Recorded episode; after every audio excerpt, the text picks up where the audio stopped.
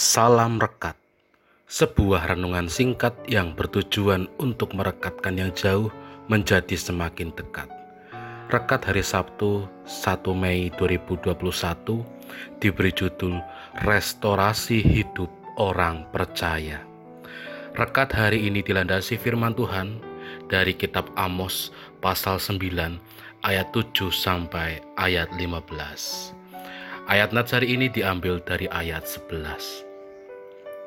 Pada hari itu aku akan mendirikan kembali pondok Daud yang telah roboh. Aku akan menutup pecahan dindingnya dan akan mendirikan kembali reruntuhannya. Aku akan membangunnya kembali seperti di zaman dahulu kala. Demikianlah firman Tuhan. Berbahagialah setiap kita yang mendengarkan firman Tuhan dan memeliharanya. Haleluya.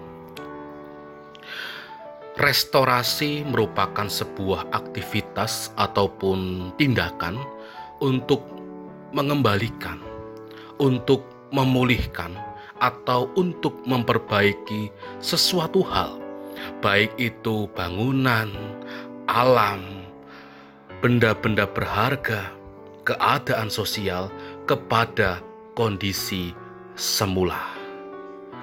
Misalnya, restorasi hutan. Hal itu bertujuan untuk memulihkan kondisi hutan yang semula telah rusak menjadi hutan yang dapat berfungsi sebagaimana mestinya. Restorasi bangunan bersejarah. Hal ini ditujukan supaya bangunan yang bersejarah yang telah rusak dapat kembali seperti semula. Bisa jadi objek wisata, bahkan bisa menjadi penelitian tentang kehidupan di masa lalu, atau restorasi ekonomi. Hal ini bertujuan untuk memperbaiki, memulihkan kondisi ekonomi yang mungkin semulanya tidak stabil menjadi lebih baik lagi. Firman Tuhan saat ini juga menceritakan tentang restorasi yang dilakukan oleh Tuhan. Terkhusus restorasi yang dilakukan Tuhan kepada umat pilihannya, yaitu bangsa Israel. Di mana Tuhan akan memulihkan kembali kehidupan bangsa Israel. Tuhan akan membangun kembali pondok Daud yang telah roboh. Tuhan akan menutup kembali pecahan dindingnya dan akan mendirikan kembali reruntuhannya. Tuhan akan membangunnya kembali seperti di zaman dahulu kala. Sama seperti restorasi yang dilakukan oleh Tuhan kepada bangsa Israel. Tuhan pun akan melakukan restorasi kepada kehidupan saya dan saudara.